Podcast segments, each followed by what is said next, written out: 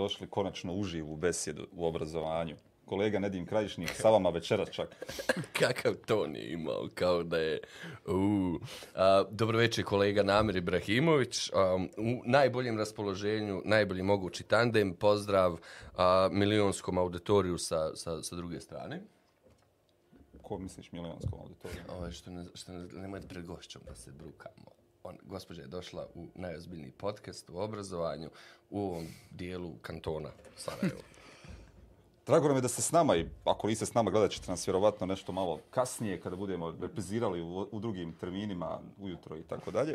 Ali evo da predstavimo gošću, dakle profesorica Anita Nakaš, ortodontica, univerzitetska profesorica, prorektorica za međunarodnu saradnju, političarka, mama i neko ko se zanima obrazovanjem i svim drugim stvarima. Dobro večer, Anita, i dobro nam došli. E, Dobro večer, hvala vam.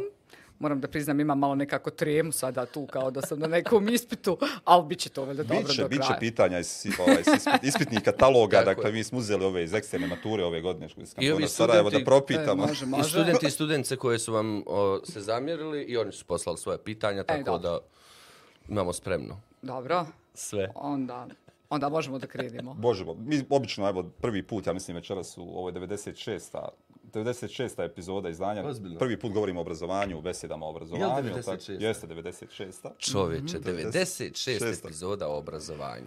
90. Šta vi mislite koliki idioti moraju biti s druge strane da bi to uradili? A meni to nekako baš zvuči onako kao ono produžeci utakmice, a čini mi se da nam je tako i sa obrazovanjem. Ona sudijska, sudijska nadoknada, pa sad što bude, bude. Evo da krenemo sa jednostavnim pitanjem vezanim za obrazovanje. Uzet ćemo ovu vašu ulogu majke nekoga ko je sa djecom prošao obrazovni sistem u Sarajevu. Jeste? Kakve su vaše iskustva sa obrazovnim sistemom? Aj joj. Oko, prvo duga je to priča otprilike, duža nego taj njihov obrazovni Krenula vaša sistem. djeca u školu. Ajmo odatle. E, da, kre, a možda li krenuli u vrtić? I tu smo mi može, imali. može, imali može, smo mi tu i epizode. Krenula, krenula moja djeca u to, ovaj, kako se, u, u vrtić. Mi smo se nekako opredijelili da opcija s tom djecom bude onako kako je bilo kad smo mi bili mali. Dakle, prvi vrtić pored naše kuće.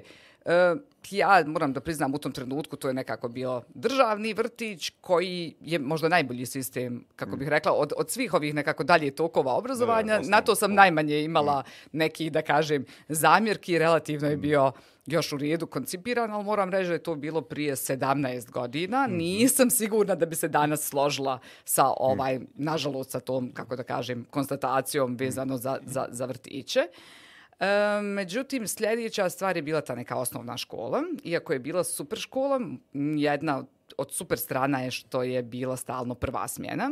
Ja sam malo nekako zagovornik toga da su djeca imaju isti ritam i sve to tako. Međutim, tu se već prvi put zapravo čovjek susretne sa velikim problemom e, zvanim obrazovni sistem, sa e, udžbenicima, metodologijom, e, ne znam kako da kažem, izostancima, rasporedom, Mm, moram da priznam da nekako kad bih rekla, mislim da su moje djeca možda imala tu pa ne znam, bilo rekla prednost ili manu, što su imali s druge strane mamu koja je insistirala nekako na tom učenju.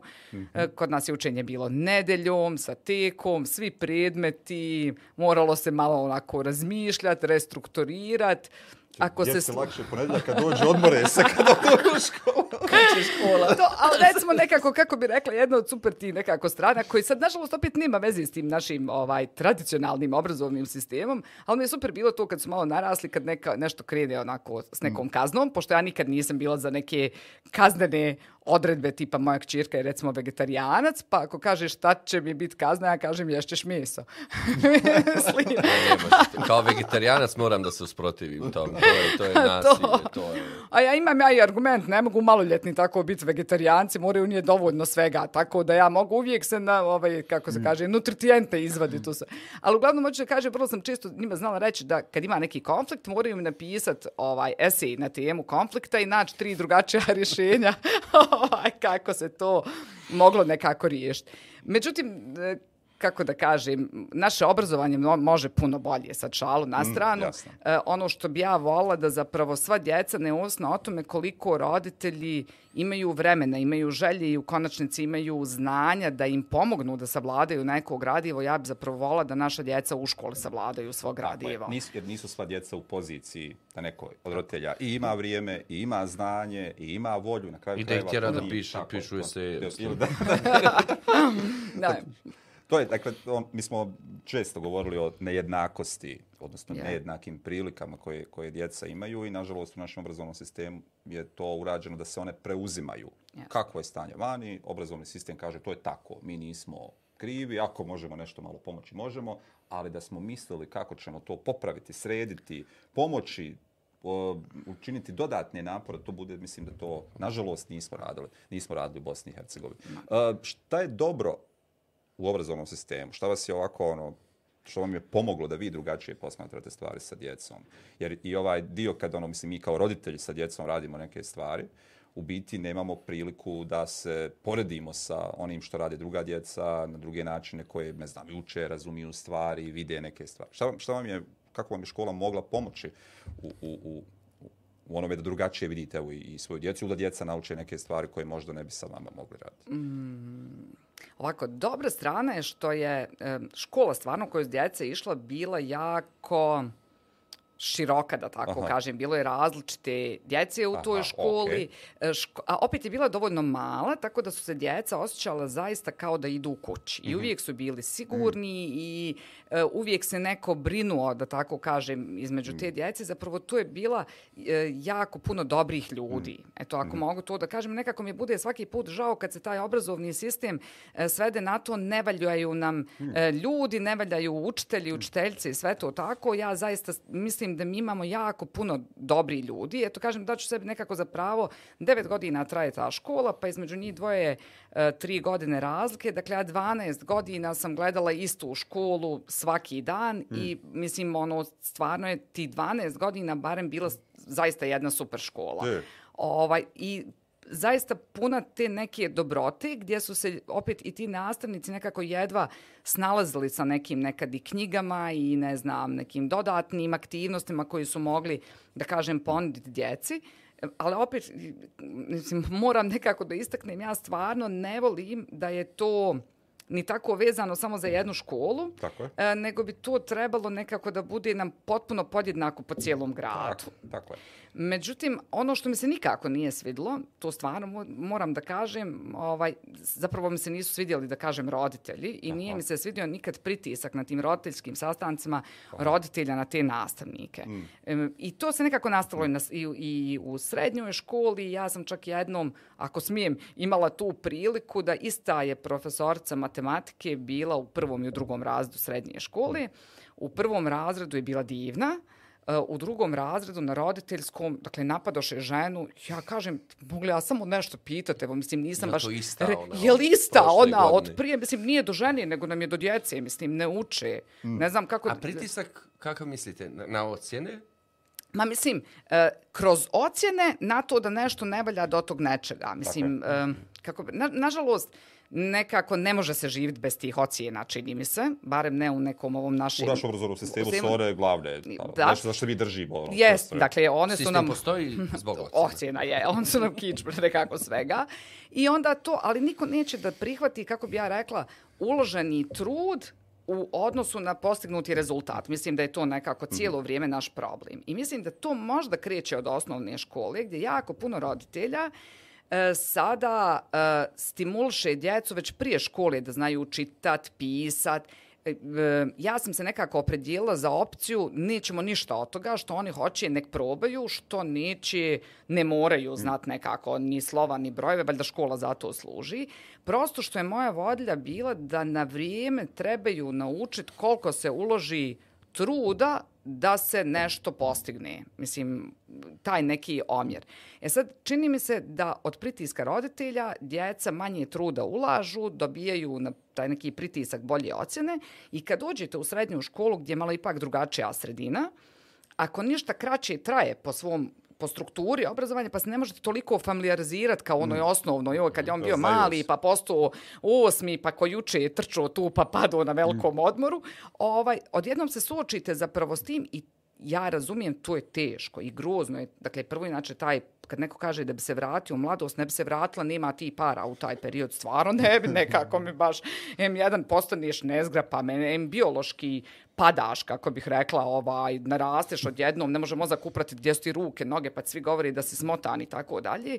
I još odjednom dođu neke druge potrebe mislim da je tu nekako, kako bi rekla, da za stvari za koje bi trebalo puno više imati razumijevanja za tu djecu, u smislu, recimo, stvarno te neke njihove biologije da su malo smotani u tom periodu puberteta jer naglo narastu, pa mozak to ne može pratiti, u smislu nekog e, ciklusa spavanja, da oni potpuno drugačije spavaju kad uđu u pubertet, jer je to prvo samostavljivanje, pa vole da budu da, da se kasnije ližu u odnosu na roditelje svoje kao jedna vrsta toga, mi ovamo ih maltretiramo s nekim drugim stvarima, nekim pritiskom na ocjene, mjesto da nekad prihvatimo da stvarno ne znaju sve najbolje. Mislim, ne znam ni ja. Ne znam kako bi vam rekla. Ja bježala čitav život od fizike i završi na stomatologiji i to na ortodonci gdje treba fizika i onda sjela i kupla knjigu fizike i krenula od prvog srednje Ponovo. lijepo poluga i to. Mislim, sve se može. Čini mi se da im prerano kažemo da ne mogu, Tako. a jadni mogu. Tako, i ono ne samo da naš sistem ono doslovno se ravna prema svima na potpuno isti način. Dakle, mi smo svi isti za obrazovni sistem. Vi kad dođete na bilo koji predmet, nastavnik vas doživljava nas troje na potpuno isti način. Bez obzira šta mi znali, ne znam, da li slušali, ne znam, fiziku, da li slušali maternji, slušali bilo šta drugo. Dakle, mi doslovno niko ne polazi od toga šta ja znam ili ne znam, da bi mi onda neko rekao, ok, sad je put, put koji ćemo proći. A o, mogu li ostati na roditeljima? Naravno. A, sad iz ove perspektive, šta bi sad, o, kako izgleda idealan roditelj za obrazovni sistem?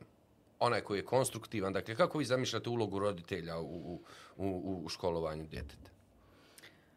E, Šta je vama nedostajalo, a u čemu ste se osjećali komotno da vas se pita? Joj, ovako. E, idealan sistem je izgrađen na povjerenju. I mislim da roditelj treba da vjeruje učitelju u koji ide dijete u- za koju školu su se opredijelili ili krenuli ili mislim da je osnovna uloga roditelja da stvarno voli svoje dijete i da prihvata da su djeca potpuno različita. I e, da nekako, kako bih rekla, na, morate im postaviti neku granicu nekog truda. Mislim, ja stvarno, možda što dolazim iz te nekako prirodnih nauka i svega toga, ja vam strašno vjerujem u te biološke naše sposobnosti i sve to ovaj tako. Mi smo kao vrsta dizajnirani da budemo ekonomični. I to znači da kad god možete odmarati, niko neće raditi. Mislim, dakle, svak radi zato što nekako mora ili mislim, to je uglavnom tako. Pogod... Tako da i djeci treba postaviti neku, kako bih rekla, granicu. To je, ja sam recimo svojoj djeci uvijek govorila, mene stvarno ne zanimaju ocjene, mene zanima uloženi trud. I potpuno mi je jasno da se neko može, dakle, meni možete dati knjigu istorije i dati mi sto godina da naučim, ja nisam, ja stvarno mentalno nisam sposobna da popamtim te informacije. Jednostavno ja nemam talenat za te, za te stvari. Tako da mislim da je najvažnije nekako stvarno imati povjerenje, e, pustiti da nam nastavnici, odnosno, kontro, kako da kažem, ne mogu reći kontrolsat, ali e, vjerovat nastavniku kad kaže da je dijete zaslužilo neku ocjenu uz adekvatno obrazloženje. Moram da priznam, meni se ne sviđaju ocjene samo kao ocjene, u smislu 3, 4, 2, E, jako mi se sviđa, na primjer, princip koji mislim da je primjenjiv kroz sve nekako, da ne kažem, od, od e, vrtića pa nadalje, gdje imate koliko je u stanju reprodukovat nešto, koliko je u stanju reciklirat, da budemo u ovom trendu, to neko gradivo iz predmeta A u predmet B i tako dalje. Je, i koliko, napraviti, da, i koliko on to može iskoristiti. I stvarno se fokusirati na takve stvari. Nažalost, nemamo puno djece. Dakle, u doba kad sam ja išla u školu, nas je bilo 40 u razredu. Mi sad govorimo o razredima od 17, 20, 25 djece. Mislim da stvarno uz malo fleksibilnosti u smislu, pogotovo, mislim da je puno bolje organizovano onaj rad sa učiteljicom, kad učiteljica može procijeniti da će duže imati matematiku nego, ne znam, maternji, nego kad vi imate 45 minuta ili recimo neke dvočase, pa kad ne znaju šta će, pa troši Da, da, u prazno Tako je. vrijeme. Ispituju djecu. Ja, znate ispitu, vi. mislim, ali on je neke nebitne Tako. stvari. Mislim, zapravo jedna još od važnijih stvari koju roditelj treba kontrolisati, to je zapravo šta se priča na tom času.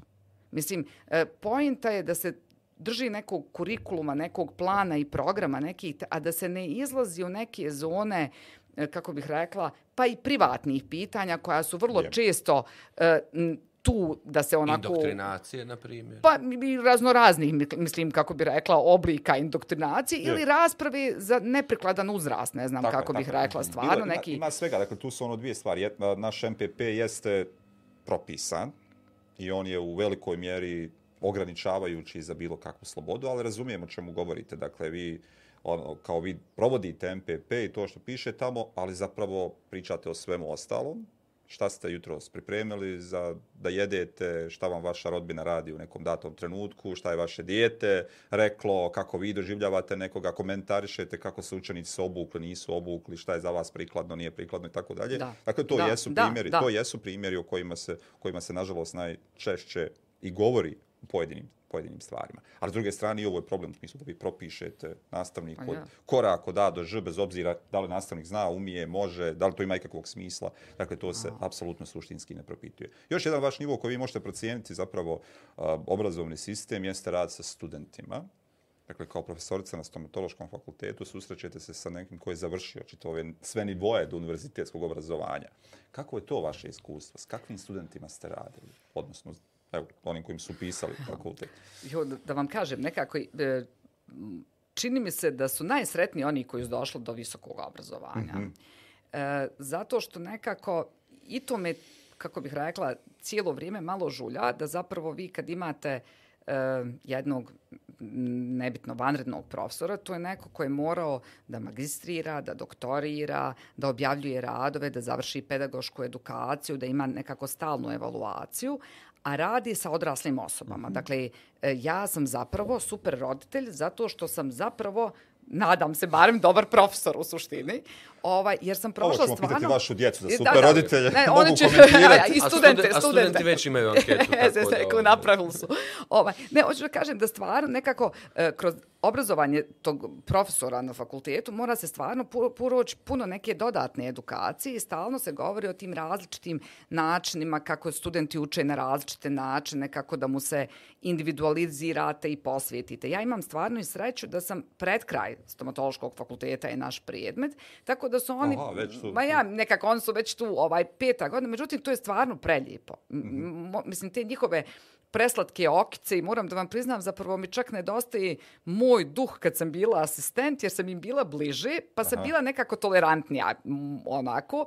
Nekako kroz godine sam ne mogu reći izgubila tu, ali recimo prije mi nije smetalo kad im zazvoni telefon, sad malo nekako budem ono, jel ti mora baš i sad zvoni telefon i tako dalje. Ali hoću da kažem, e, to je prelijepo i to je stvarno nekako, e, kad oni već dođu do visokog obrazovanja, Posebno oni kad ne- dođu do pete godine. E, pa, oni već i znaju nekako šta oni hoće i znaju šta im se sviđa i nekako šta im se ne sviđa.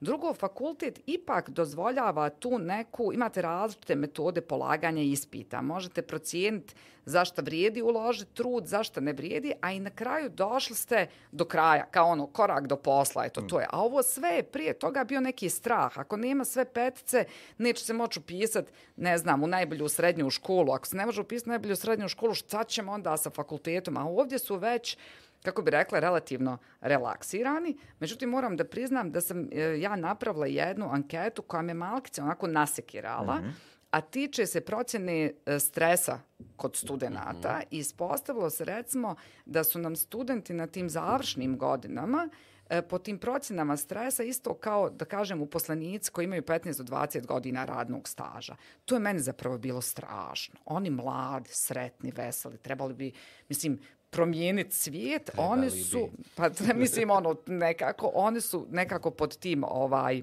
velikim Šta stresom. mislite, da je to kombinacija faktora neke egzistencijalne prirode, samog faksa kao takvog? ja se bojim da je to nekako egzistencijalna priroda i činjenica da je njima stvarno obrazovanje obilježeno strahom.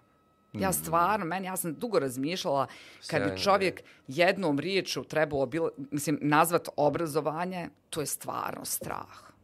Strah je i kod roditelja, šta će biti s tom djecom, mislim. Strah je i tu djecu, šta će, mislim, kad se mama boji za mene, šta tek ja jadan da mislim, mislim, ono, mama koja ima rješenje, ili tata za sve, šta ću jadan ja. Strah je učitelje od sistema, od direktora, od roditelja, a strah ih je sigurno da ta djeca ne padnu, ne povrijede se, da se ne potuku međusobno, mislim, zanemarujemo i taj nekako. Pa onda strah je u srednjoj školi, ja isto mislim da je možda tim profesorima u srednjoj školi teško, jer su ta djeca u potpunom nekoj, kako bih rekla, ni na nebu, ni na zemlji oko svega ovaj toga. Tako da mislim da je zapravo sreće raditi na, na, na fakultetu i sa tim ovaj studentima, ali isto tako moram priznat ponekad mi bude žao što te resurse um, našeg akademskog kadra nekako ne koristim. Mislim da je bilo onako lijepo da sad neko mene zovne malo u osnovnu školu mm -hmm. na neki predmet, pa da vidim ja kako bi to bilo. To bi vi mislite da bi ostali profesori? Pa ja, što ne bi to bilo nekako u zakonu o visokom obrazovanju stavljeno da se malo prođe i kroz drugi. Ja sam inače... I ja sve što do sad osjetim, sad je ovo opšta generalizacija, naravno, sa izuzecima, jeste potpuna alineacija od univerzitetskog obrazovanja. Kao to je tamo neki svijet koji...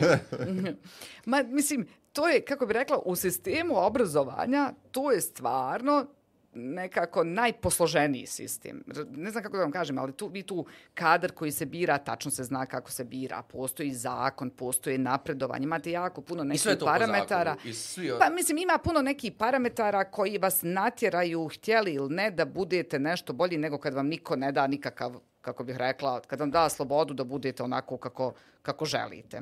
Ja zato moram da vam kažem, moja inače, kako bih rekla, teorija je da ministrica osnovnog obrazovanja, ovo sad kako postoji mm -hmm. kao tako, to treba da bude neko sa univerziteta, Objasn- objasnit ću vam zašto. evo. A ministrica visokog obrazovanja treba da bude neko iz osnovne i srednje škole. Pa oni su zapravo i Zašto? podijelili zbog toga što ako je iz visokog obrazovanja ne razumije ovo obrazovanje sad vam ja Sad za... Jo, sad, Imam sad jedno vam... pitanje za, ka, za, za ono, profesor, a zapisujem, evo. sad, ću, sad ću vam ja reći zašto. Zato što po meni se to čini kao idealna kontrola kvaliteta. Vi kad stavite sad nekoga iz visokog obrazovanja da bude ministar osnovnog i srednjeg, to je zato što vi zapravo dobivate djecu iz osnovnog i srednjeg obrazovanja. Dakle, meni na fakultet dolaze djeca koja su završila osnovnu i srednju školu. Dakle, ja direktno vidim produkt osnovnog i srednjeg obrazovanja. A zašto neko iz osnovnog i srednjeg obrazovanja treba da bude ministar visokog? Zato što on direktno ko svoje nastavnike i profesore vide rezultate visokog obrazovanja. teorija je prihvatljiva. Da. Što se nas tiče možemo probati, onako Uzeti nemo šta izgubiti ali je, iskreno. ovaj, ali mislim da, Ovaj. da bi se profesor s univerziteta ne bi složilo da bi tražili tamo koji je nivo vanredni, redovni profesor, da li on može nekome Da će pređivati. meni, ali čak, i u jeziku postoji. Mi, mi, mi, mi bolujemo od toga da, da, da to razvrstavamo odgajateljice, učitelje, nastavnike, profesore i tako dalje. Ja, evo, gotovo sam ubijeđen u godinama ko, koji obitavam u različitim okruženjima i akademskom i do univerzitetskom, da postoji jedna, čak, čak, čak jedan klasizam u kojem su ovo svi dole manje vrijedni. Um, Dakle, ako je to akademija, onda je srednja škola manje vrijedna, ako je to srednja, onda je osnovna, da dođemo do teta čuvalica u, u, u vrtićima. Pa ne, ne, ne znam, ne bi se ja... Je li to vaš, vaš svijet u kojem živite balon? Ili, Ma, ili... Ma ne znam kako da vam ka... Mislim, znate kako ono, kad, kad, kad provodite vrijeme, provodite s nekim ljudima koji slično nekako mm. razmišljaju. E, ja opet, ja to ne vidim tako, ni to vi ljudi oko mene. Ja vam prije nekako rekla da se ta možda akademska karijera može poistovjetiti sa Star Warsima, mm. e, jer manje više vi fino proberete super mali Anakine koji su mm. genijalni, odlični, sa super performansama, high class i to. I onda nekako kroz Pređu na sistem... tamnu stranu. Pređu na tamnu stranu, da, da. I samo rijetki nekako, ono, kako bi rekla, to je čak i ego. Imam ja cijelu tu, ovaj strukturu, kako bih rekla, tu. Ovaj, i pojenta je zapravo da srećom uvijek ima dovoljno džedaja. Možda su nekako manje vidljivi, možda su manje Možda su u brojni. nekim pećinama na neko Ma to desetoj neki, planeti. to sve, ali mislim tu su, mo- mogu repopulirati u svakom trenutku. I na popisu ovaj. je bilo Jedi, tako da... Je, ja kažem, ja, ja to nekako sve vidim kroz ovaj, kroz tu nekako prizmir. Stvarno vi proberite, kako bi rekla, super kadar. Ja vjerujem da, kažem, ja, me- meni, ono što meni nekako me stvarno brine, taj, to je nedostatak zapravo povjerenja i u te tete odgajateljce i, mislim, i bilo kuda. Kroz obrazovanje vi imate cijelo vrijeme kao neko nepovjerenje da taj neko, ne znam, ne zna taj svoj posao. Je. I pritome nije samo da on ne zna, nego on je još došao tu da maltretira vaše dijete. Dakle, ne, tu, I tu, onda se ne ide ono u smislu, kad se god pojavi nepovjerenje ili pojavi se sukob ili situacija koja nije jasna, ona se ne ide ka rješenju, ona ide ka zaoštravanju i toga da neko izađe kao pobjednik iz toga. E da. Dakle, to ono da mi zapravo stvaramo one te sukobe, tu tražimo, je li u po ovom zakonu ne piše tako, ovdje piše, mi se pozivamo nekakve papire koji nikako ne mogu opisati život unutar obrazovnih ustanova nikada. Dakle, ne postoji, nikada dakle, nema. ne, ne, postoji taj, ne postoji taj dokument. Ovo mi se jako dopalo o, i ovo dijelimo, da, da, da strah, ako je jedan, jedna riječ, onda je to, to, to strah. Znam po sebi, isto sam, sam dijete svih ovih nivoa ovog obrazovanja i stvarno je konstantni strah. Možda ne nužno od, od roditelja i tako dalje, ali, ali mi je bio određen. A, kako vratiti sreću u obrazovanje, to je prvo pitanje, a da se vratimo i na vas kao profesorcu, kao učiteljicu. A, s kojom glavom ulazite u, u, u učionicu? S kojom filozofijom ulazite u učionicu? Kako vi vraćate sreću evo, na, na, na, na, na petu godinu? A tu morate pitati tu djecu kako ja vraćam sreću, ne znam šta da vam kažem. Onaj. Ja se stvarno trudim e, da im približim to što ja nekako ovaj radim i mislim i volim. Vi uglavnom kad imate tu e, nekako sva su ta predavanja prelagođena, ja to, ja to zovem Lego struktura nekako ovaj preda- predavanja. Ja strašno volim da se oni prisjete svega toga što su prije učili. Mislim da shvate stvarno korist. Relativno se lako zaboravi agonija učenja anatomije. Dakle, anatomija je stvarno predmet koji se uči na pamet, nema tu nikakve, možda anatomi nađu na kraju neku logiku, ali nema. Međutim, strašno je teško kad vi dođete na kraju na tu neku petu godinu i sad odjednom slušate nešto skroz drugo, kao zašto mi je to trebalo što nisam odmah ovo slušao. Međutim, ja tako to prvo uzmem te velike blokove njihovog starog znanja, koji im prvo posložim kao nešto što je bazično, I to svaki put kažem kao ono Lego duplo kockice, one su najveće, nećete se udaviti s njima, sve lako ih je uklopiti to sve, a onda im na to dodajem te neke sitne E, detalje koji zapravo, kako bi rekla tu ortodoncu ili šta god, mislim, ono, koja god su predavanja im budu nekako zanimljivija i zanimljivija. Zapravo jako puno truda uložim u to da im obrazložim šta ovaj, št- o čemu ćemo mi to pričati i s druge strane svaki put im kažem e, to je nekako ono što mislim da nam još apsolutno nedostaje i ne znam da li je to što nam je nekad kadar mlad ili ne, ne, ne znam zašto.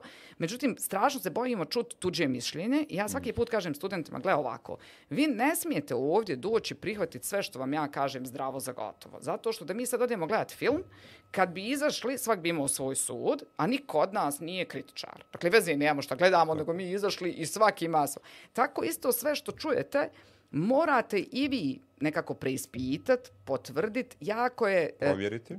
mislim, jako je teško u početku kad ste početnik nešto provjeravati, ali morate cijelo vrijeme biti otvoreni. Ja im kažem, ako ne zbog čega, zbog toga što ćete biti izloženi ljudima koji prodaju materijal. I kad vam neko prodaje materijal, a vi nemate kritički pristup, gotovo je. Dakle, kupćete ogromne pare za materijal koji ne valja. I onda im svaki put ispričam kako sam ja tako, ako smijem jednu malu digresiju od svega, da smijete. ovaj, kako sam ja tako, e, mi smo imali, sad je Zurka nama član naše porodice, ona je 16 godina nekako sa mnom, mojom porodicom i sve to, a bila je ono tu oko djece kad su bila skroz, skroz mala, jer ni- nisu išli u vrtić baš od kad su se rodili, nego kad su napunili nekako 3,5 do 4 godine i to. I ja sam jedan dan odlučila, ovaj, jer su mi rekli kako nije prava kuća u kojoj ne mirši ovaj, hljeb kad se napravi, i ja sam kao sva odlučila, ma ima da napravim taj hljeb. kuća virše. I gotovo. I odim ja sa svojom drugaricom na promociju tapervera i vratim se ja s nekom modlom za hljeb. I modla stoji, dolazi iz Urka sutra ujutru, kažem, bogat, šta ti je ovo? Rekao, čuj, šta je? Rekao, vidi kako je divna silikonska modla za hljeb, sad se neće lijepit, moče. Znaš ti da je to tijesto za hljeb pravo u gusto, sve će se ovo razbuziti sa strane.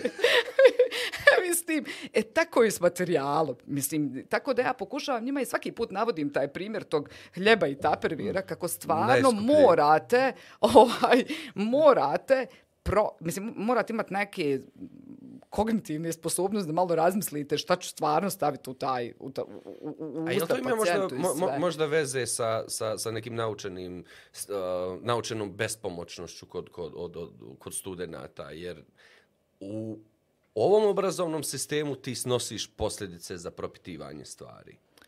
E, to je jedna sigurno strana, a druga strana je što naše cijelo obrazovanje zapravo se temelji na e, reprodukciji. Hmm. Dakle, oni pročitaju, reprodukuju, pročitaju, reprodukuju. Dobiju ocjenu, i to je to. ispit. Ja vrlo često sam isto tako nekako uh, imala neka predavanja na temu plagijarizma za doktoralni studij i recimo jedna od stvari, i, i, inače vidite nekako i kroz medije stalno se provlači to plagija doktorata, diplomskog, ovoga, onoga i sve to tako. Međutim, onda sam slušala jedno briljantno predavanje gdje zapravo čovjek rekao osnovni problem sa plagijarizmom je metodologija učenja od osnovne i srednje škole gdje djeca nisu u stanju shvatiti da kad ja pročitam knjigu i prepričam je, to nije moje znanje, to je znanje tog čovjeka koji je napisao knjigu, ja sam samo prepričala. Tako da mi zapravo odgajamo generacije da postanu plagijatori, ni, ne, ne svjesni, ne svega, tako da mislim da se to mora prekinuti. Mislim nekako da stvarno, ja znam da kad se nešto uči, moramo imati neke bazične slova, brojeve, definicije, ali mislim da relativno brzo trebamo otpustiti te definicije i prijeći neke, e, kako bih rekla, stvarno barem danas ima toliko mogućnosti da djeca nauče o geografiji iz različitih stvari, da nauče, mislim, ima divnih učbenika koji se koncipiraju samo na pitanjima gdje oni istražuju, ovaj, tako da, mislim da je to mislim da je problem jednostavno da od kad, od kad nauče onu pjesmicu u vrtiću na pamet pa dok ne završe fakultet najjednostavnije je da samo prepriča. Mm ali m, kako bih rekla, pogotovo kad se bavi, bavite stomatologijom, ni jedna usta se nisu prepričala. Dakle, svaka su različita,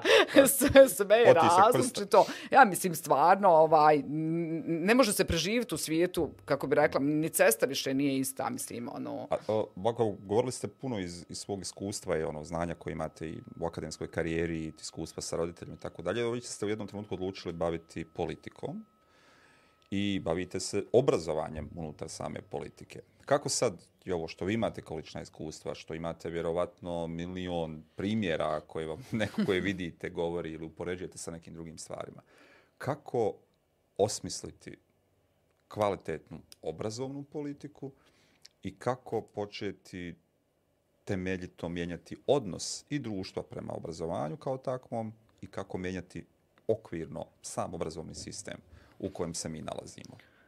Ovaj, e, pa ovako, što se tiče te obrazovne politike, ja mislim, nažalost, došli smo do toga da to kad se kaže pitat struku je postalo više pravo, mm. ono ružna fraza koja, ali ja stvarno vjerujem i vidim beskrajno savršene primjere dobrih e, ljudi iz struke koji su pomalo i izgubili entuzijazam. To je možda ono što mene recimo brine sad u ovom trenutku, što svi ali stvarno divni ljudi. Mislim, kako god to sad zvuči nekako kontradiktorno sa tom politikom, možda zato što sam se opredijela za segment obrazovanja, stvarno sam došla u kontakt sa nekim e, pre, pre super ljudima u svemu tome, ali vidim da svi gube entuzijazam i onda im svaki put pokušavam vrata entuzijazam rečenicom, ali gled, to je kopranje zuba, stalno moraš govoriti da se zub peru i uvijek se rodi neko djete i ti stalno i stalno i stalno, pa mislim, doće neke nove generacije, doće neka e, nova djeca, e, tako da ja mislim da prvo moramo stvarno na svim nivoima probuditi svijest o značaju obrazovanja, ali zaista o pravom značaju obrazovanja, o tome e, šta je uopšte, šta, dakle, sama činjenica kad vidite previše ovih kako bih rekla, lažnih diploma, govori u prilog tome da nam obrazovanje treba. Dakle, mislim, da im ne treba, ne bi štampali te lažne diplome. Oni fitness treneri, oni ne štampaju. Dakle, treba nam to obrazovanje. E, treba e, skupit, kako bih rekla, ljude da stalno govori, evo sad se non stop priča o tim novim trolejbusima, ja vjerujte na te nove trolejbuse ne bi stavljala reklame Coca-Cola, Fante i toga, nego stvarno značaj obrazovanja. Mislim, ono, želim da znam, želim da pitam, ne znam, sad ima pametnih moraju se ti ljudi. trolejbusi želi- otplatiti, neće ovaj- se obrazovanje. E, evo, da, mislim, da, danas sam, ne, danas sam pričao moramo prat zube, ne znam kako. Ok, može jedan biti ono Pepsi, ko ona, kako se zove, žičara, što su u bojama olimpijade, svaka ono, ne znam koja. Ali ovaj, hoću da kažem da ja stvarno mislim da e, što više javni prostor treba u- tom smjeru e, nekako okrenut.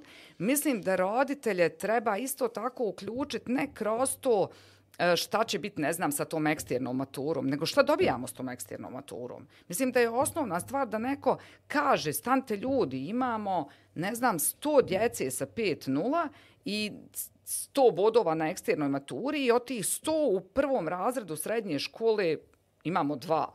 Mislim, ne, nešto. Drugo, e, ono što meni nekako, ja bi volila i da ostavimo prostor za neku nadarenu djecu. Mi zapravo za djecu koja su iznad prosjeka nemamo ništa.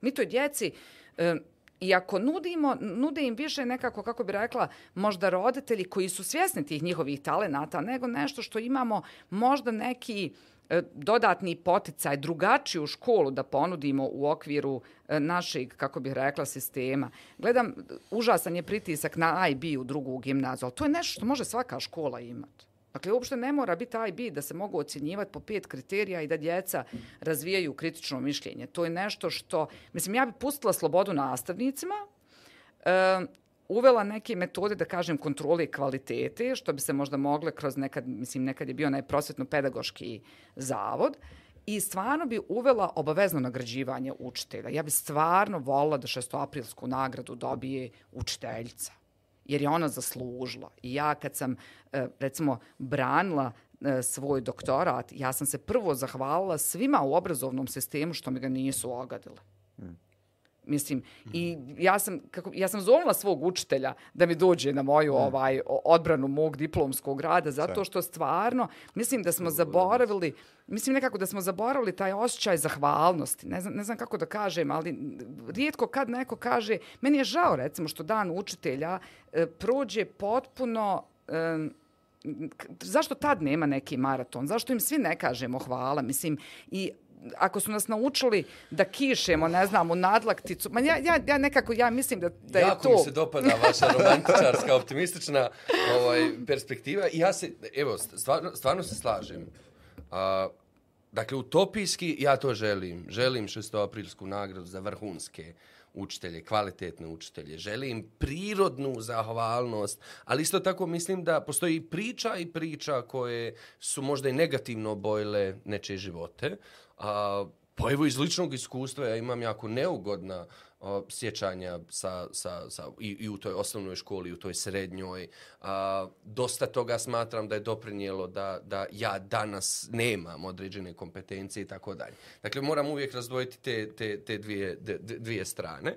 I ja mislim da se sve to vraća ozbiljnim kvalitetom. I dignitet nastavničke profesije, i odnos roditelja i nastavnika i tako dalje, ali kvalitetom, a ne idejom kako bi nešto trebalo biti. Ja mislim da te romantičarske ideje koje nemaju utemeljenja su sama a, romantika. U ovom sad izlaganju imam nekoliko pitanja da probamo razložiti. A, eksterna matura bi imala smisla da ona služi u nekom formativnom smislu za obrazovanje.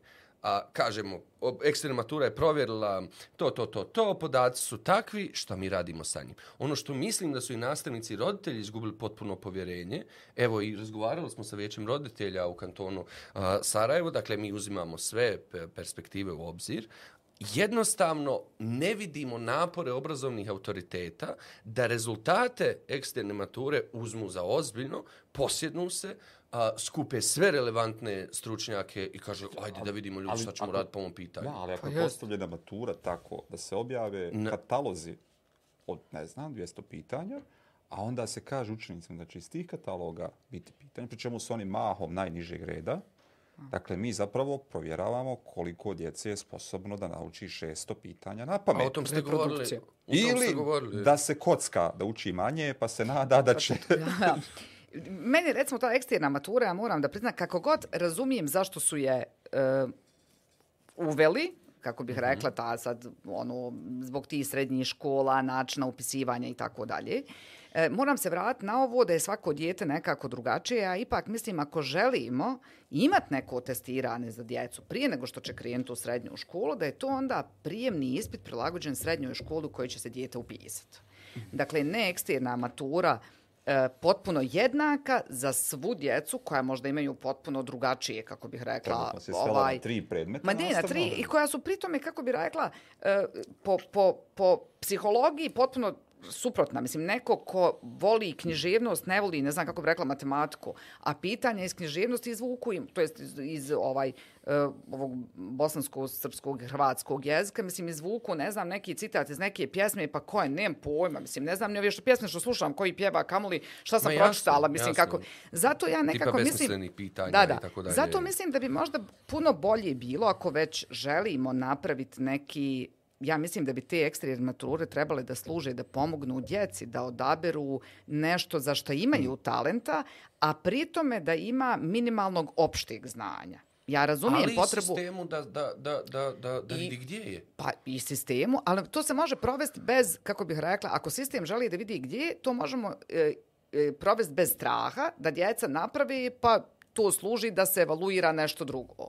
Mislim, kao što vam daju survey nakon turističke, ne znam, nečega, pa kažu klik, nikakvog- klik, klik, i vi sretni, veseli, već gotovo vratili se, isklikćete šta hoćete i hajde, tako bi i djecu. Ovo je stvarno, pogotovo kad su onda krenuli to nešto na kraj trećeg, šestog, pa devetog, pa mislim da me neko, ne znam kako vam rekla, mene da testiraju svake tri godine koliko znam, ne bi mi bilo. Ja se prepala vas koliko znam o obrazovanju, kamo li da me neko Ali tamo... uvijek ono- ću stajati, izvini, Ne. Ne, Ne, ne. uvijek ću stajati iza toga da, pritom, evo, pošto vi ste ovdje u kantonu Sarajevo, ovdje se najviše bavite i tako dalje, a pritom ni jedan drugi, uključujući Republiku Srpsku i Brčko distri kao takav, nema referentni okvir ko, na osnovu kojeg bi on mogao da mjeri kvalitet bilo čega, nastavnika, djece, sadržaja, ishoda obrazovanja i tako dalje. Sve je neka vlastita, a, o, mislim vlastita, subjektivnost kao takva u, u, u procjeni i ocjeni kvaliteta i sve možemo svrstati, bilo koji element u obrazovanju, možemo ga na dvije strane. Možemo ga oskrnaviti, ono što nam često govori, svaki predmet smo obespredmetili, Ja. kao takav. Tako i eksternu maturu i kontinuirano, um, um, kontinuirano vrednovanje obrazovanja sveli smo na to da je to neki strah, da je besmisleno i tako dalje, ali u biti služi za, za, za ono najsjajnije u obrazovanju, to je da vidimo gdje smo, šta ćemo popraviti u međuvremenu, moramo ići dalje, hajde da vidimo šta smo učili, nismo i tako dalje. Izvini nam. Ništa, dakle, da li uh, nacrt koji će valjda biti na sjednici u petak, nacrt o, o osnovnom i srednjem odgoju i obrazovanju u kantona Sarajevo, dakle, već ne znam, nekoliko puta je bio na dnevnom redu, pa iz različitih razloga, printanja materijala i svih drugih odluka, to nije. Ovaj, možda će biti na, na, na Možda. sjednici u petak, možda u nastavku te sjednice, ali evo, vidjeli ste nacrt. Jesam. A da li se nacrtom otvaraju vrata za ovo o čemu smo pričali sada, dakle za kreiranje nekog kvalitetnog obrazovnog sistema koje će dati djeci manje straha, više sreće. Ovakvim nacrtom kvalitet- ne. Ne. I što se uopšte novi zakon donosi? E, ja ne znam, ja bi volila da znam odgovor na to pitanje za visoko obrazovanje. Zašto se donosi svaki, ne znam kako bi rekla, pet godina, češće se revidira nego dnevni red, onaj u haustoru, što Koji od ima ona 93.. jeste nekako stoji. E, ja se stvarno malo ovaj zakon o osnovnom i srednjem obrazovanju, to je još jedna stvar koja je mene e, Mislim, po prvi put sam malo više ušla u tu strukturu i ono što je recimo meni nekako poražavajuće da je jedan zakon o visokom obrazovanju gdje vi praktično radite sa odraslim osobama na dobrovoljnoj bazi, e, povuče za sobom toliku lavinu da se on zaustavi A, a znači odrasle su osobe koji imaju pravo glasa. I te kako, mislim, kad uzmete studenti imaju pravo glasa. Nasuprot osnovnog i srednjeg obrazovanja, koje je u našem kantonu obavezno i koji tako nekako prođe, kako bi rekla, ispod radara, mislim, nemam neki drugi izraz, a zapravo nam je krucijalno za živote. E, Meni se ovaj lično m, kako bi rekla, ne dopada zakon. E, ja moram odmah priznati da ja čak ni ne mogu govoriti o onom segmentu zakona, iako sam ga stvarno e, detaljno pročitala, onaj segment koji se tiče direktora i svega toga, ja to nekako, mislim, ne razumijem se i... m, ne znam na koje sve načine se to može zloupotrijebiti, možda ok. mogu tako da kažem, kao, ma ja mislim, kako vam rekla, to je ono... kreativni. Ma ja mislim, to je onaj, kako da kažem, to nam je nažalost. Međutim, ono što se meni nekako ne dopada, to je što sam ja primijetila u ovom zakonu jako puno onako kad i pročitate na prvu, jao, kao super ideja, međutim, zapravo u pozadini te super ideje je djelimično jedna diskriminacija u školi. E, mislim, jedna od stvari koja mi je, kako bi rekla, onako zapela na prvu i sad se stalno vraćam na nju, to je ta neka nesretna definicija obavezne online nastave. Mislim, e, i to mislim da je kao dvije sedmice u svakom polugodištu. četiri u godini. Da, u četiri ugo. To je strašno. Mislim, to je strašno. E, Prvo, zašto polazi se od pretpostavke da svaka kuća ima kompjuter? Dakle, odmah. Drugo, za djecu koja imaju e, niži socioekonomski status, da izostane četiri sedmice iz škole. Neće se vratiti nikad više u školu. Tako je. Mislim, stva. E, tako da, recimo, to mi je, a da ne kažem da kad uzmete u obzir da, recimo, nije u redu da djeca od prvog do četvrtog razreda imaju online nastavu, odnosno, kad imaju online nastavu, kako sam ja gledala i čitala u nekim boljim zemljama, od kojih stvarno trebamo preuzimati stvari koje je moguće, oni kažu može, ali to se dešava u školi, tako da pod nadzorom učiteljice tačno se zna koji vremenski period su oni proveli uz kompjuter. E sad, hoću, dakle, to je jedan segment, recimo, online nastave. Međutim, drugi je segment online nastave. Ko će biti kući s tom djecom?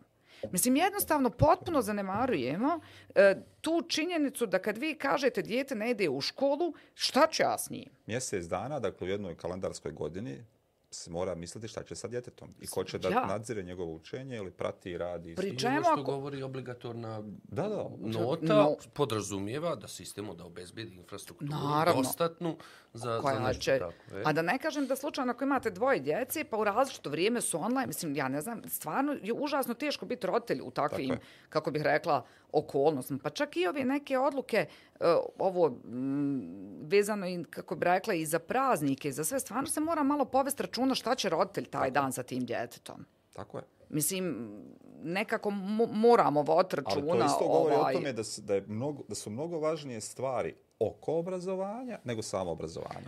Ma ja nekako imam ošaj da oni ovaj zakon o obrazovanju, ja ne znam stvarno, ja ne znam po kom principu se on pravi. Ja nekako smatram da bi se zakon i o visokom obrazovanju i osnovnom trebao nekako praviti neki uzme se stari, pa se vidi koliko je bilo pritužbi, pa ne znam nekih tih kaznenih odredbi, inspekcijskih nadzora, šta je proizašlo iz posljedice loših zakona, gdje smo mi sa tim. Ili na osnovu ozbiljnih podataka u prevodu.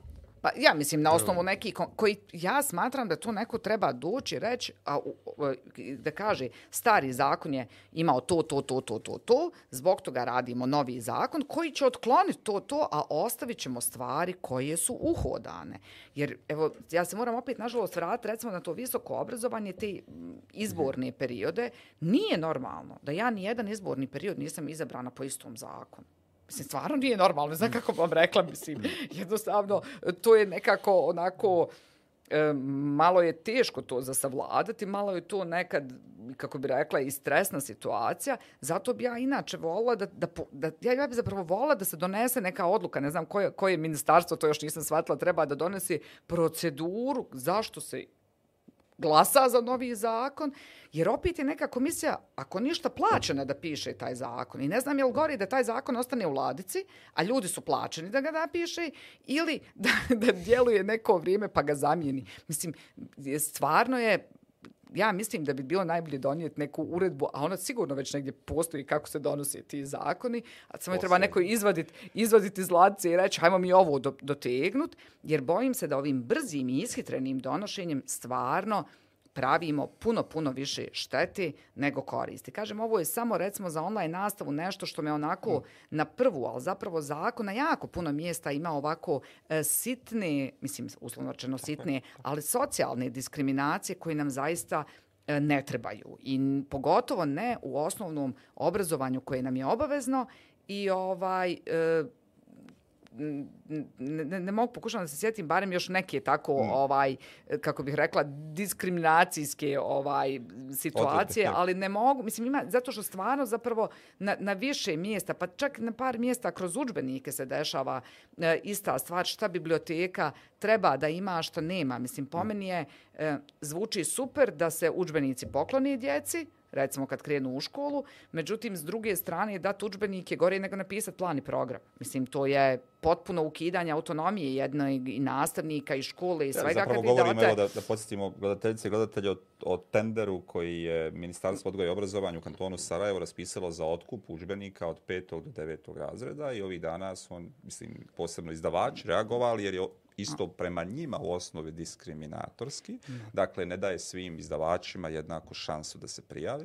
Ne traži se mišljenje nastavnika iz škole koji su udžbenik do sada koristili.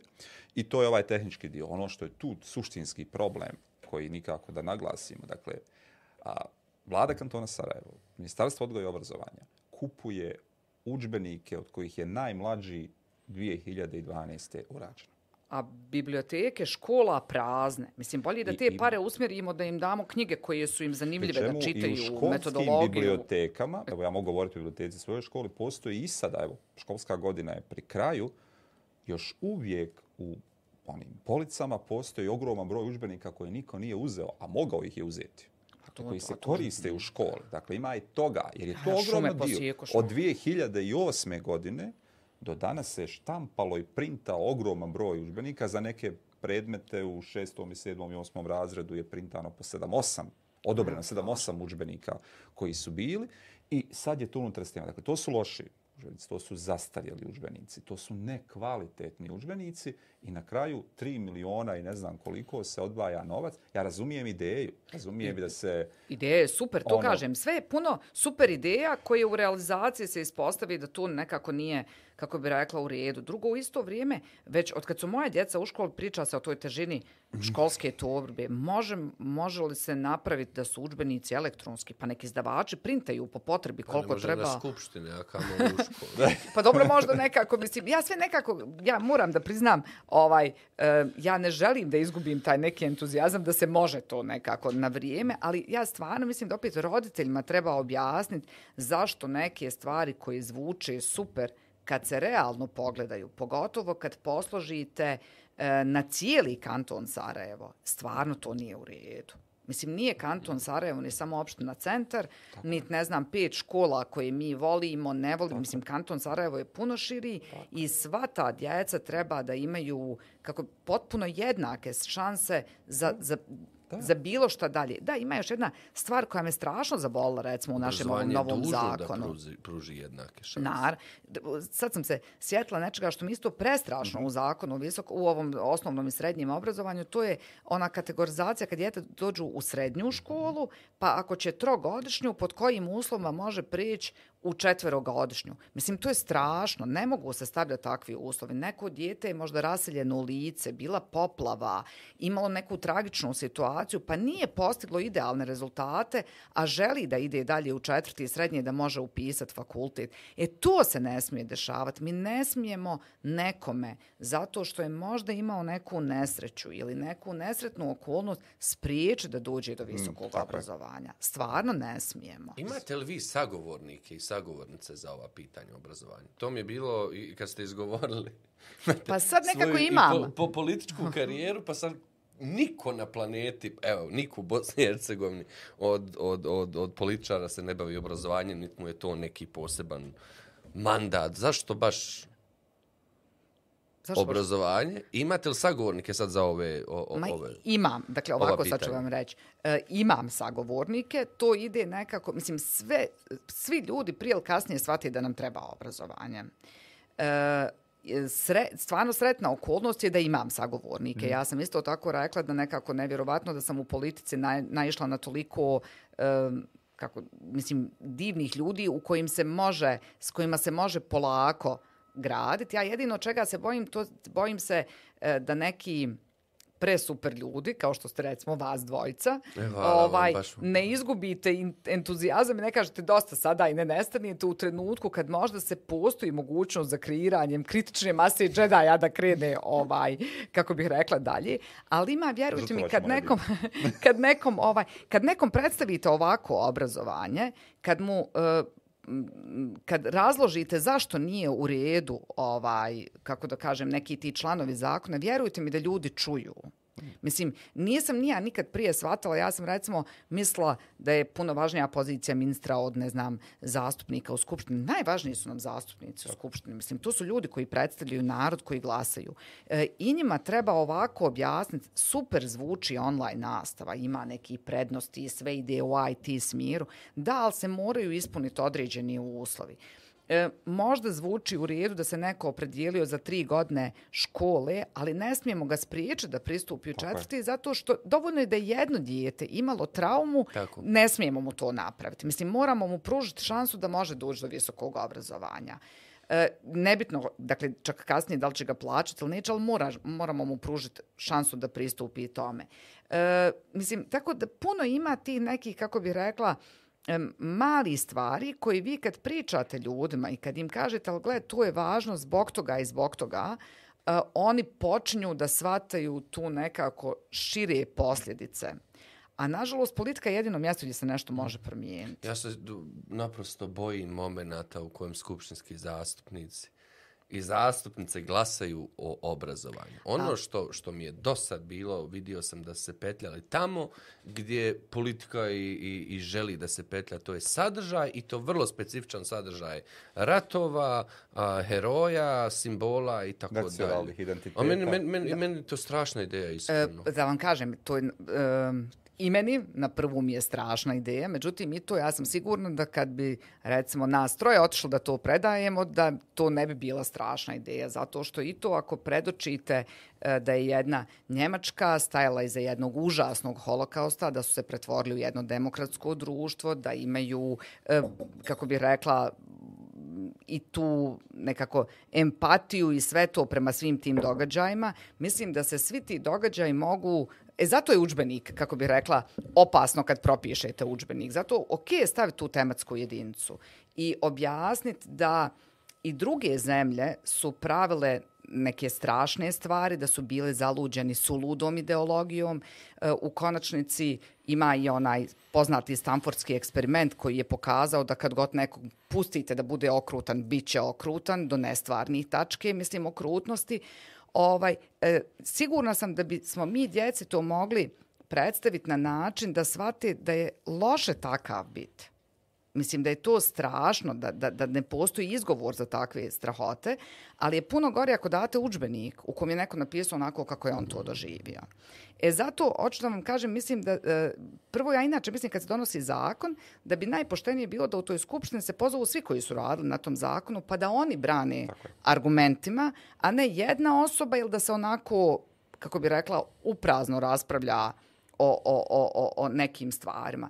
Drugo, e, ne znam kako da ovaj kažem pre, vi ste u pravu petljaju se u stvari koji e, imaju isto neku kad vi čudnovatu pitali šta da nabavim za, za stomatološki fakultet. Kako da napravim plan i program za stomatološki Nije, to je još gori. Vi biste možda i nekako sa stomatološkim fakultetom, ne možete sad baš puno fult, kako bih rekla, šta vam treba i ne treba. Ali ovo je baš zato problem je što je ovo abstraktno. To je kao da ja vama kažem da ne znam, sad ne znam, tumačimo sad mi svi zajedno neku abstraktnu sliku i svako vidi ono što on vidi, Ovaj, tako da je ovo, ovo bi bilo lakše, ovo je strašno, dakle ova, ovako propisano kako sad stoji sa tim e, učbenicima i sa nemogućnošću recenzije, sa e, nikakvim, kako bih rekla, e, posljedicama po, po, po to ako nešto klupite neku glupost u tom učbeniku, a svjedocima, mislim, ja sam vidjela gomilu lošeg Wikipedia trans, ono, prevoda, Plagi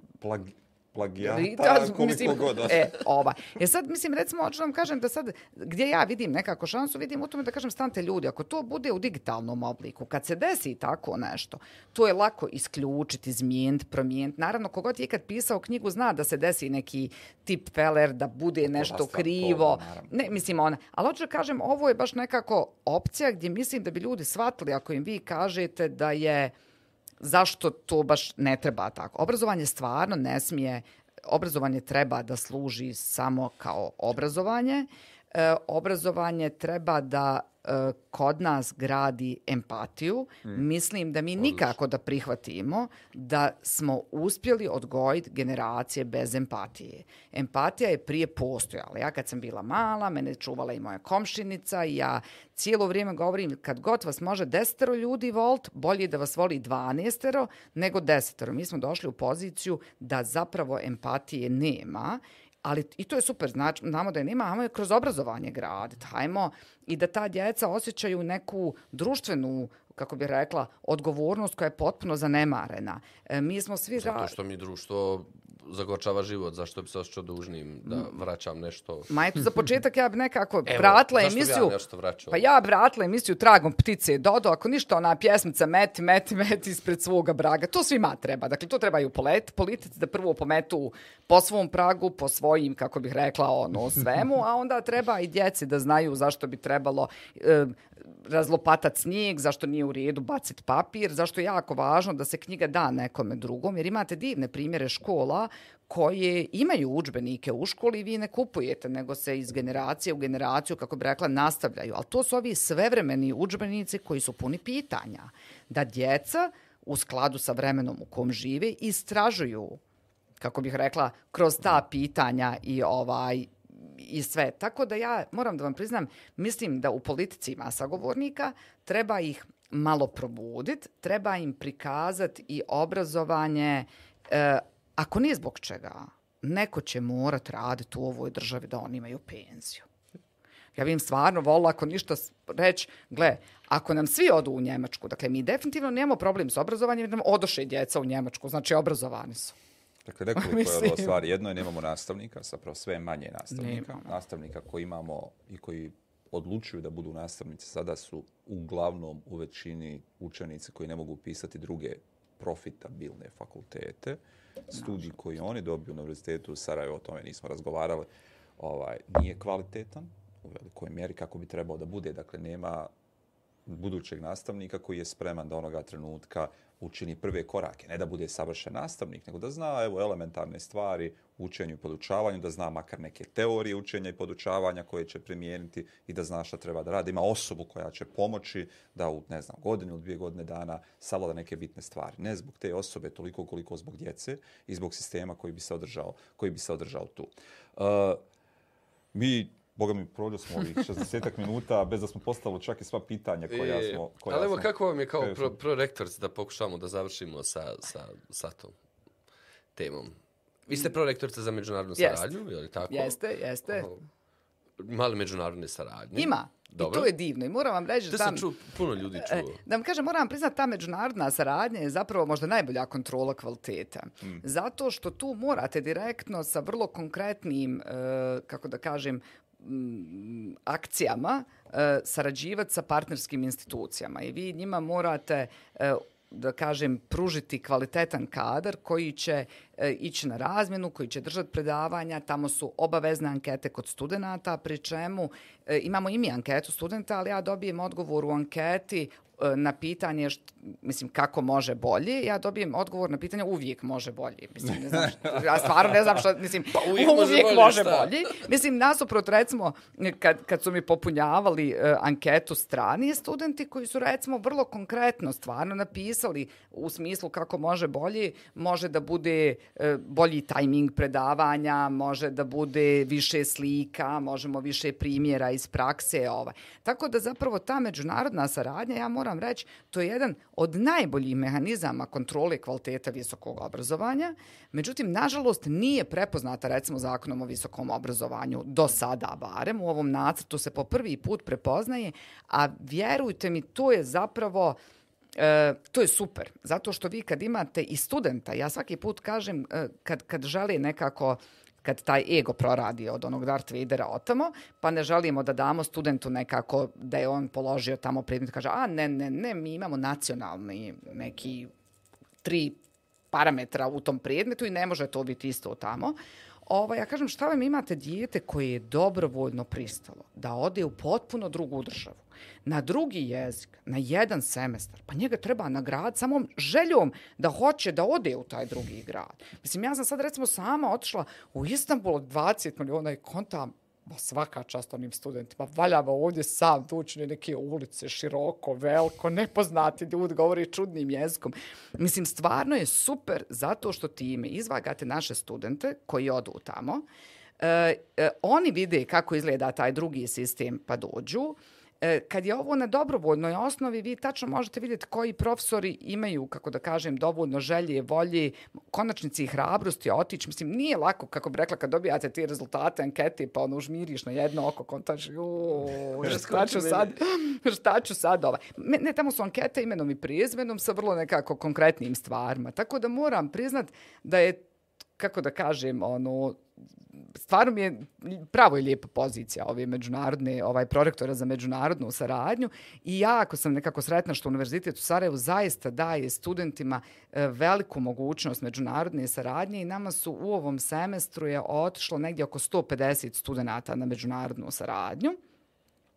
E, a došlo nam je 60 stranih studenta ovdje. Super je bilo čak i tokom covid kad je bio totalni lockdown, e, išli su studenti tamo, onda smo ih mi online nekako skupljali, pa to se zvalo ovaj Erasmus klasu policijski čas, pa smo s njima tako nekako, ovaj, da, da, pa kako to preko Erasmusa ide, pošto to ipak fondovi, novčana sredstva dolaze od EU-a, to je isto jedna od super okolnosti ovaj, da, da, da imate sredstva za to.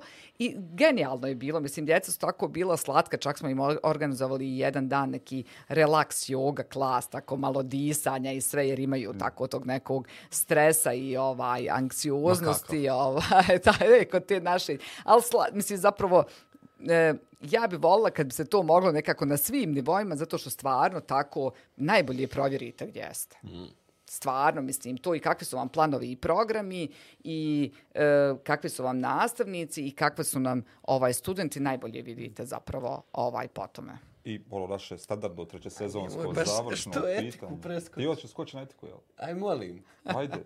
Ja. Evo, malo, smo, a malo smo plagijarizam dotakli, to je ono sa etikom. I presjednica ste etičkog o, savjeta univerziteta u Sarajevu. One size fits all.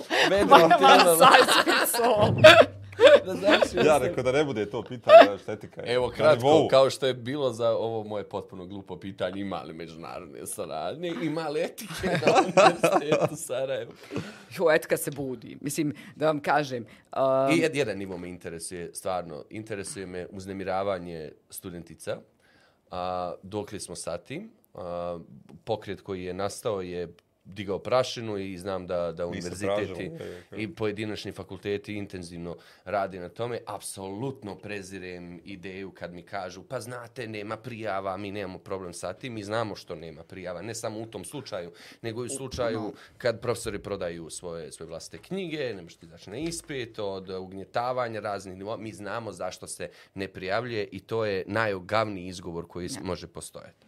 Evo, kratko o, o, oko toga. Jako mi je to važno. Ovaj, ovako, e, nažalost, te stvari se mogu jedino prevenirati sa jako puno priče i objašnjavanja e, šta to nije prikladno koje prakse nisu prikladne. Ja stvarno moram priznat da smo se mi kao etički savjet uspjeli izboriti za promjenu etičkog kodeksa, što je prvi put od kad je on donešen i mislim vi ne biste vjerovali e, stvarno ta neka konstrukcija koja je evidentno preuzeta iz engleskog jezika negdje gdje se koristio taj termin consensual u smislu kad, kad ono, ako pristaje i studentica, onda je to kao okej. Okay ovaj, mi smo jedva se uspjeli izbor da se izbaci. Dakle, etički kodeks je etički kodeks koji je kao takav jasan i glasan. Nemate pravo. Ni, ne po, dakle, ne, ne možete imati nikakav kontakt, odnos, insinuaciju bilo čega u, u, u bilo kojoj hijerarhiji toga, kako bi rekla, studentica, student, profesor, profesorca i tako dalje. Dakle, stvarno, to je super stvar da se to po prvi put promijenilo u tom etičkom kodeksu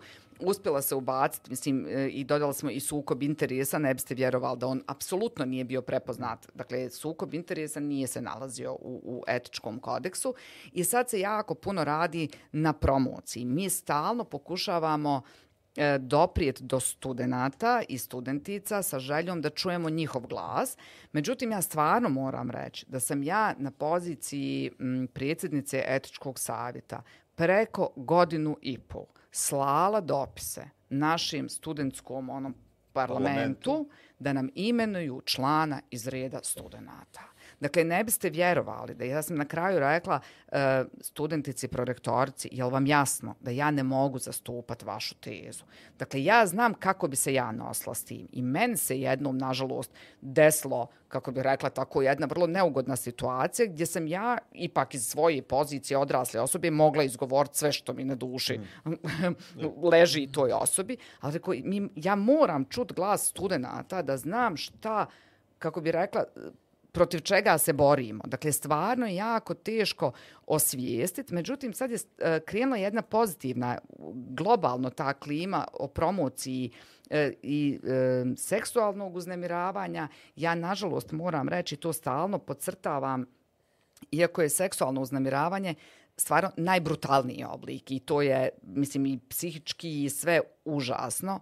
Ono što je kod nas, toliko prisutno da ga ne doživljavamo više uopšte kao uznemiravanje, je verbalno uznemiravanje.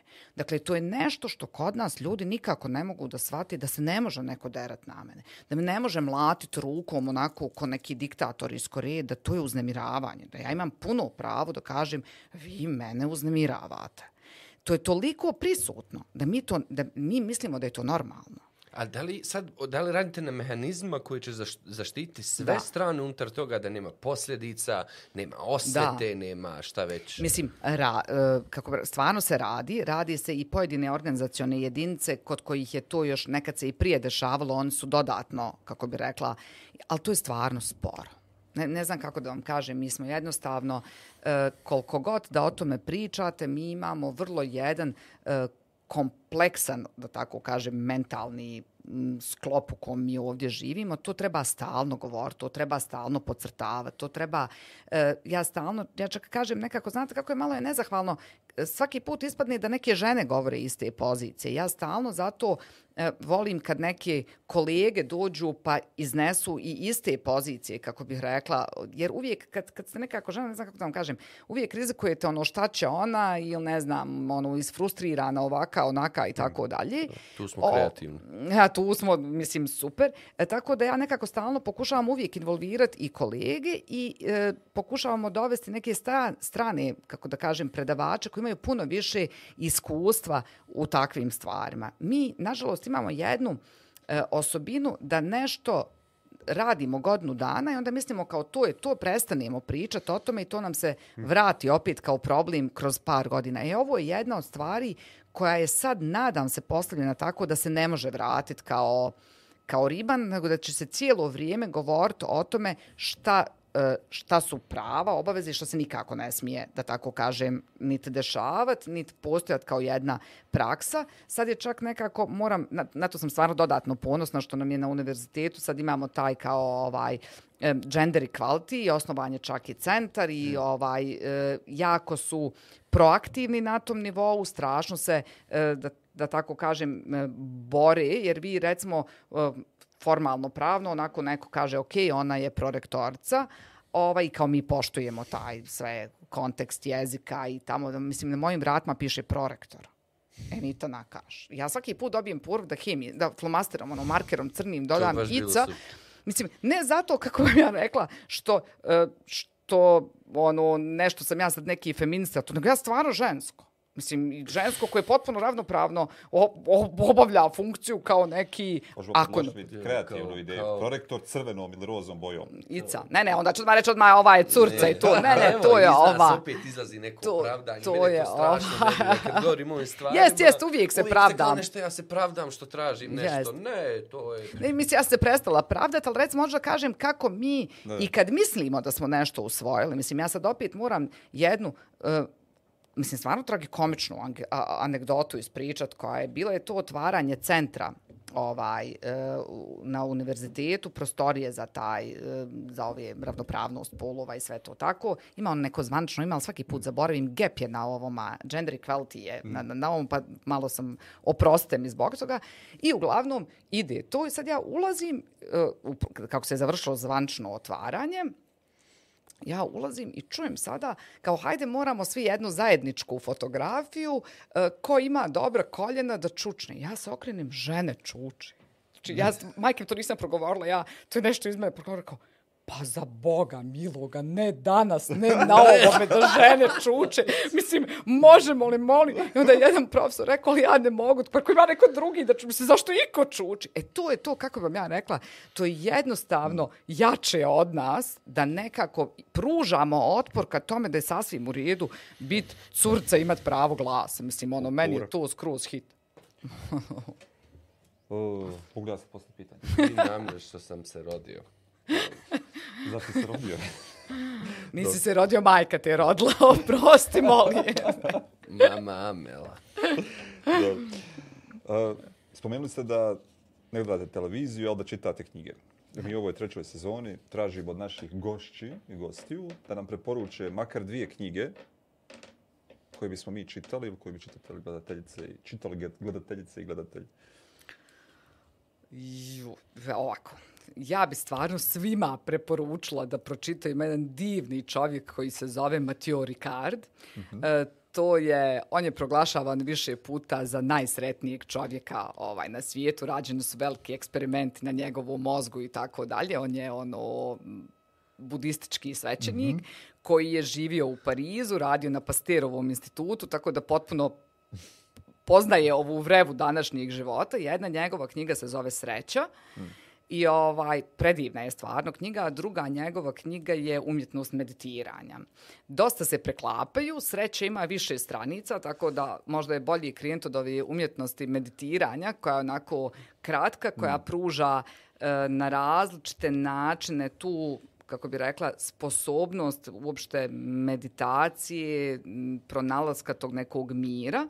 Super strana je što on sve to obrazlaži kroz, apsolutno kroz nauku. Dakle, ništa nije abstraktno, nego i za sve, svih tih njegovih, kako bih rekla, podataka zašto se smirimo i tako dalje, postoji vrlo konkretna medicinska istraživanja koja, ne znam, pokazuju koliko tog nekog, nazvaćemo smeća, ovaj, šuma u mozgu se otkloni i sve to tako. Tako da bi ja to stvarno ovaj, svima nekako preporučila i čak kad god, to su možda nekako onako dvije knjige koje kad god meni zafali morale, ja se vratim malo tome pa shvatim da je to ono, Vaša kolegica koncept sreće i to zove nadri naukom, tako da evo, ne znam šta da vam kažem. Mi ćemo pročitati. Koja Pa eto, ja bi volila, ja bi volila da vi, kako bih rekla, ovaj, da, da nekako pročitate pa da diskutujemo i mimo toga zato što mislim da je to kad čovjek stvarno iskuci sreću nekako, ništa se drugo. Mm. Ako hoćete, mogu vam ja recimo, def- u toj knjizi ima jedna divna stvar, definicija ljubavi i možda da s tim nekako završimo i za roditelje i za ovo i za sve onako. Ima super definicija, ono, šta je to ljubav.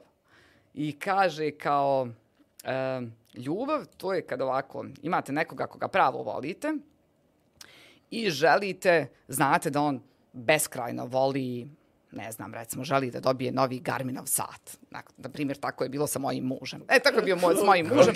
On je, zato, što je, zato što je moj muž silno želio taj neki, nemam pojma, safir, nešto, Garminov neki sat.